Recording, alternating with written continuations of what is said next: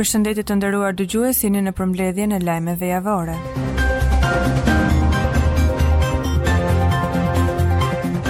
Komisioneri për zgjerimin i Bashkimit Evropian Oliver Varheli ka nisur vizitën në Ballkan ku sot ka qëndruar për vizitë zyrtare në Beograd. Bëhet me dije se të martën zyrtari evropian do të qëndrojë në Bosnjë Hercegovinë, në Mal të Zi dhe në Maqedoninë e Veriut.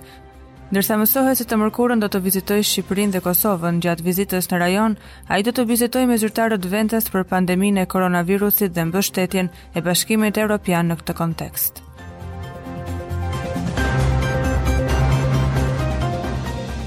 Tre maj është dita ndërkombëtare e lirisë së medias. Kjo ditë përkujtohet çdo vit për të sjellë në vëmendje se liria e shtypit dhe liria e shprehjes janë të drejta themelore të njeriut. Kjo ditë u kujton njerëzve se shumë gazetarë kanë gjetur vdekjen apo kanë rënë në burg për të sjellë lajmin tek publiku.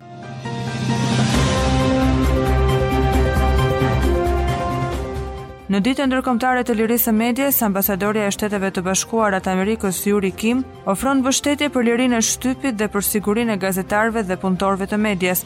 Gjithashtu ambasadori i Bashkimit Evropian në Tiranë, Soreka, Shkruan se liria e shtypit është një gur themeli i shoqërisë demokratike.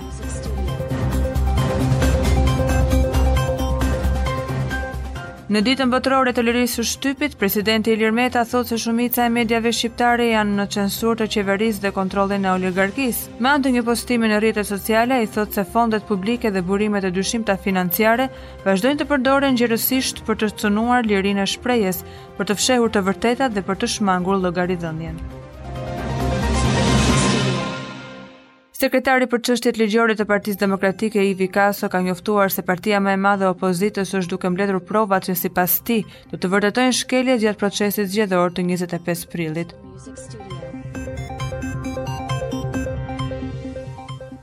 Nga foltorja e Partisë Demokratike Belind Këlliçi ka denoncuar përdorimin e burimeve shtetërore nga ministrja Balluku për qëllime partiake dhe elektorale. Për këto prova që përbëjnë krim elektoral, shpërdorim detyre dhe grup të strukturuar kriminal, Partia Demokratike ka bërë një kallëzim në SPAK, por prokuroria dhe SPAK heshtin, tha Këlliçi.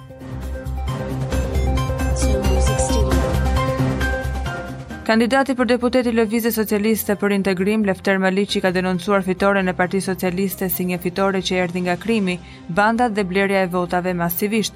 Ai shprehu besimin se për këtë shkak këto zgjedhje nuk do të njihen dhe kërkoi nga opozita e bashkuar që të kërkojë rinumërimin e votave.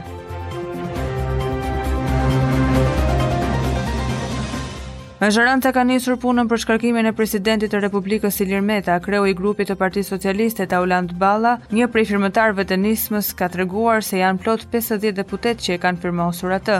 Ajo që bie në sy është fakti se kryeministri Edi Rama, i cili edhe gjatë fushatës ka deklaruar se është pro shkarkimit të Metës, nuk ka firmosur peticionin madje vihet re se edhe Fatmir Xhafaj ka zgjedhur të distancohet. Ndërkohë që sot paradite u mblodh konferenca e kryetarëve ku u vendos që kërkesa të hyjë në kalendarin e punës së kuvendit, si dhe vendosi zhvillimin e seancave plenare në datat 4, 6, 13 dhe 20 maj.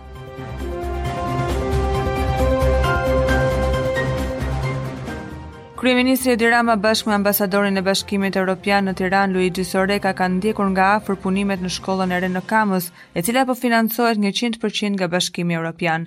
Ai ka dhënë 115 milion euro grant për qeverinë shqiptare, të cilat janë dhënë për dy programe për shkollat dhe për trashëgiminë kulturore.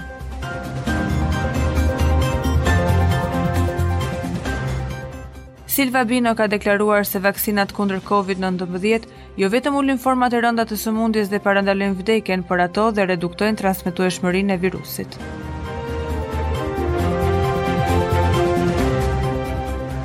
Lajmet e ditës së martë. Nis nga porti i Durrësit stërvitja Defender Europe 21, më e madhja ushtarake që pret Shqipëria si aleate e NATO-s me pjesëmarrjen e rreth 28000 trupave shumëkombëshe. Ceremonia e nisjes së kësaj stërvitje ka bërë bashkë kryeministrin Edi Rama dhe presidentin e vendit Ilir Meta, të cilët kohët e fundit kanë patur jo pak përplasje në distancë.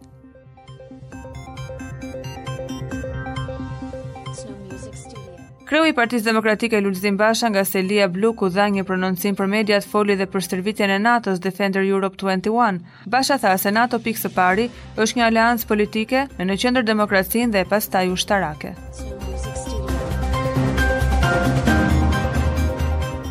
Kreu i Partisë Demokratike Lulzim Basha insiston se 25 prilli ishte një masakër elektorale, viktimë e së cilës nuk ishte Partia Demokratike, por qytetarët shqiptarë. Ai paralajmëroi beteja në të gjithë frontet deri në rrëzimin e atij që e cilësoi si regjimi Rama Doshi Rakipi. Kryeministri Edi Rama ka reaguar pas deklaratave të kreut të Partisë Demokratike Lulzim Basha, i cili tha se 25 prilli është një masakër elektorale. Në një postim në Facebook Rama thotë se humbësit merren me fituesit, por se këta të fundit nuk do të merren me këta në mandatin e tretë. Andaj, përsëriti ftesën e tij për bashkëpunim.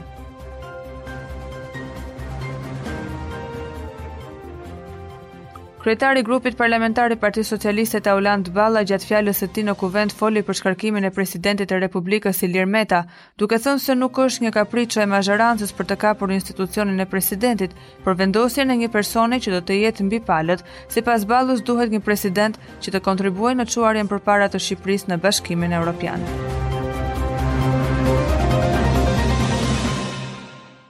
Kujtim Gjuzi ishte një nga kandidatët për deputet që në zgjedhjet e 25 prillit mori vetëm 2 vota dhe sot nga kuvendi ka hedhur akuza se këto zgjedhje janë vjedhur. Deputeti Myslim Murrizi në fjalën e tij në Kuvend ka folur me ironi për zgjedhjet parlamentare ndërsa ka komentuar dhe retorikën e fundit politike dhe ftesën e kryeministrit Rama ndaj kreut të Partisë Demokratike Lulzim Basha për bashkëpunim.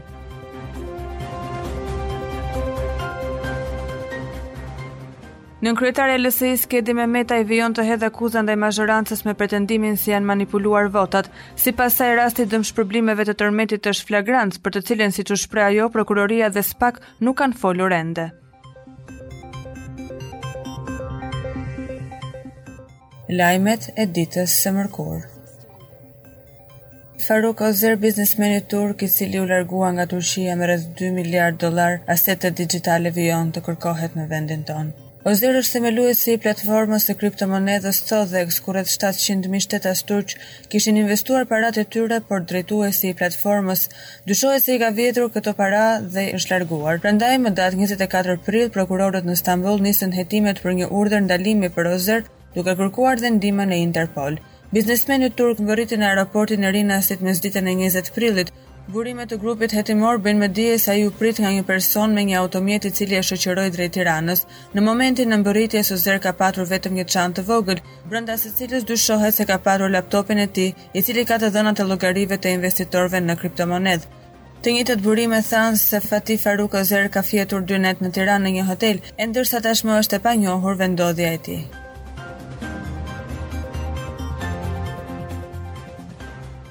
Ministrja e Shëndetësisë Ogerta Manastirliu në një postim në rrjetet sociale informon se janë kryer 556.584 vaksinime në total që nga nisja e vaksinimit masiv. Vaksinimi nuk ndalet në çdo cep të vendit për mbrojtjen e jetës dhe shëndetit të qytetarëve. Sot kapërcyen 550.000 vaksinime, shkruan Manastirliu. Mbrëmjen e djeshme në aeroportin Nënë Tereza mbërritën 11.700 doza të tjera të vaksinës Pfizer.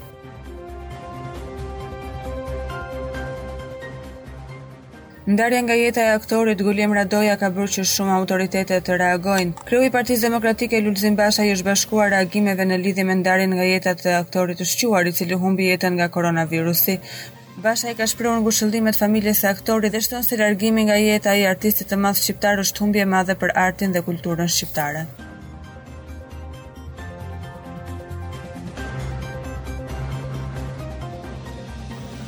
Banka e Shqipërisë ka rishikuar pritshmëritë për rritjen ekonomike këtë vit në nivelin 5.3% nga 4.9% që ishte në vlerësimin e bërë më herët. Ky optimizëm për një ecuri më pozitive në ekonominë e vendit sipas guvernatorit Gent Sejko do të ndikohet nga disa faktorë që përfshin një sezon më të mirë turistik të pritshëm rritje të investimeve private të konsumit. Përveç turizmit, kontribut pozitiv në rimëkëmbjen e ekonomisë pritet të japë dhe sektori i ndërtimit, që ka njohur rritje pavarësisht goditjes nga pandemia si dhe procesi i rindërtimit.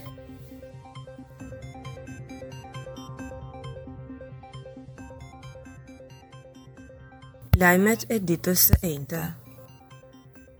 Liliana Buzo, 54 vjeç, është qëlluar në gjykatën e Elbasanit nga bashkëshorti i saj me armë zjarri, e cila ka mbërritur e pa jetë në spital. Gruaja ka mbetur viktimë nga krimi në familje. Për herë të dytë, presidenti Ilir Meta refuzoi pjesëmarrje në Komisionin e Ligjeve për shkak të agjendës, ndërsa shtoi se ka kohë deri në 10 maj. Një deklaratë e tillë u cilësua nga kreu i Komisionit të Ligjeve Ulsi Manja si një tentativë e tij për të djegur afatet e ngritjes së Komisionit Hetimor.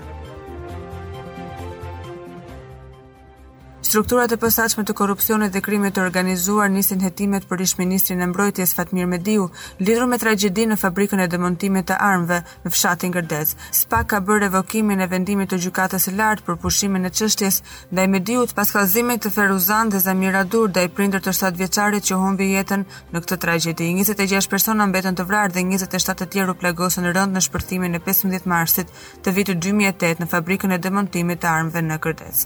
Spak argumenton se çështja u pushua për shkak të imunitetit që Mediu kishte si deputet, pengesë që tashmë nuk ekziston.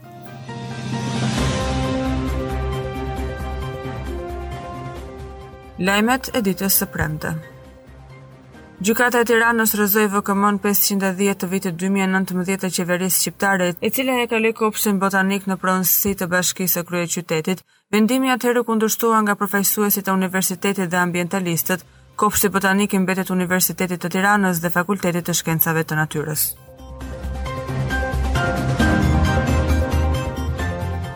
Albana Vokshi ka reaguar pas vendimit të gjykatës së Tiranës që rrëzoi VKM numër 510 të vitit 2019 të qeverisë shqiptare, e cila e kaloi Kopshtin Botanik në pronësi të Bashkisë së Kryeqytetit. Vendimi për rikthimin e Kopshtit Botanik për Universitetit të Tiranës është hapi i ndalimit të vjedhjes nga qeveria, shkruan Vokshi në postimin e saj në rrjetet sociale. Grida Duma në një deklaratë për mediat ka treguar se në bashkinë e Rrogozhinës është kryer krim elektoral. Duma tha se kudo tjetër në Shqipëri në bashkinë e Rrogozhinës u zbatua skema e blerjes së votave përmes njerëzve kyç në administratën shtetërore dhe krimit të organizuar.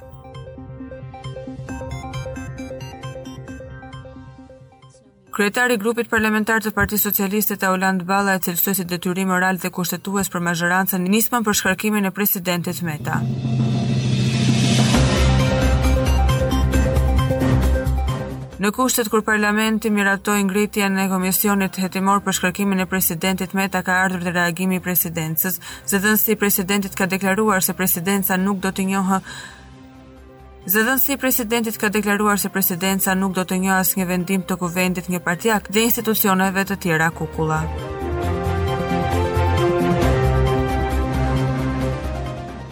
Lajmet e ditës së shtunë.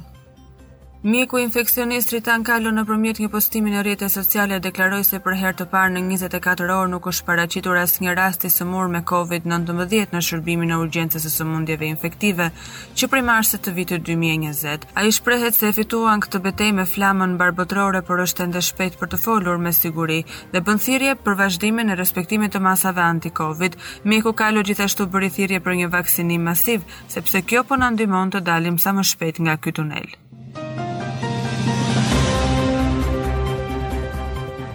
Në ditën ndërkombëtare të talasemisë, presidenti Ilir Meta përmes një deklarate u shpreh se kjo është një ditë në të cilën duhet të ndërgjegjësohemi për të ndërmarrë nisma me qëllim parandalimin dhe kurimin e kësaj sëmundje dhe në veçanti për të shtuar përpjekjet në ndihmë të pacientëve fëmijë. Në një deklaratë publike nga selia blu, Belind Këlliçi theksoi se Partia Demokratike ka bërë kallëzim në SPAK prej më shumë se një muaji, por SPAK nuk hetoi por lejoi deformimin e votës nga grupimi kriminal në njësinë 8 në Tiranë. Kryetari i Komisionit Hetimor për shkarkimin e presidentit Ilir Meta, Alket Hyseni, ka theksuar se puna e tyre do të bazohet vetëm mbi ligjet dhe kushtetutën, përtej politikës, ndërkohë që në mbledhjen e mbajtur sekretare u zgjodh Klotilda Bushka. Myslim Murrizi anëtar i këtij komisioni ka kërkuar që të thellohen hetimet duke kërkuar informacione dhe tek agjencitë ligjzbatuese.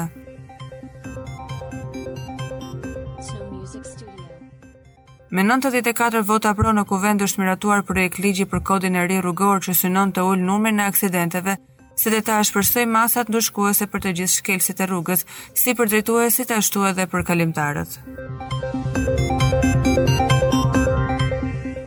Lajmet e ditës së diel. Në ditën e Europës, presidenti i Republikës Ilir Meta ka thënë se është koha të çlirojmë Shqipërinë nga çdo formë e regjimeve hibride.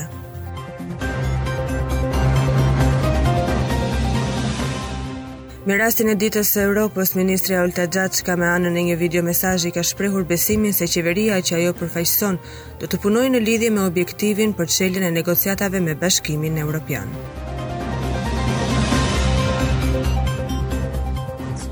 Partia Demokratike depozitoi në KQZ dosjet voluminoze me faktet që provojnë tjetërsimin e vullnetit të shqiptarëve në nëntë qarqe dhe vjedhjen më të madhe të zgjedhjeve në Shqipëri. Përfaqësuesja ligjore e Partisë Demokratike Marinela Ziu tha se bëhet fjalë për provat që provojnë qartë masakrën elektorale në 25 prill.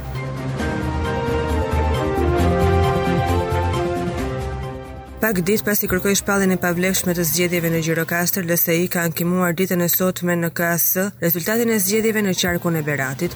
Në kërkesën drejtuar Komisionit të Ankimeve dhe Sanksioneve në Komisionin Qendror të Zgjedhjeve, LSI kërkon përsëritjen e zgjedhjeve në qarkun e Beratit.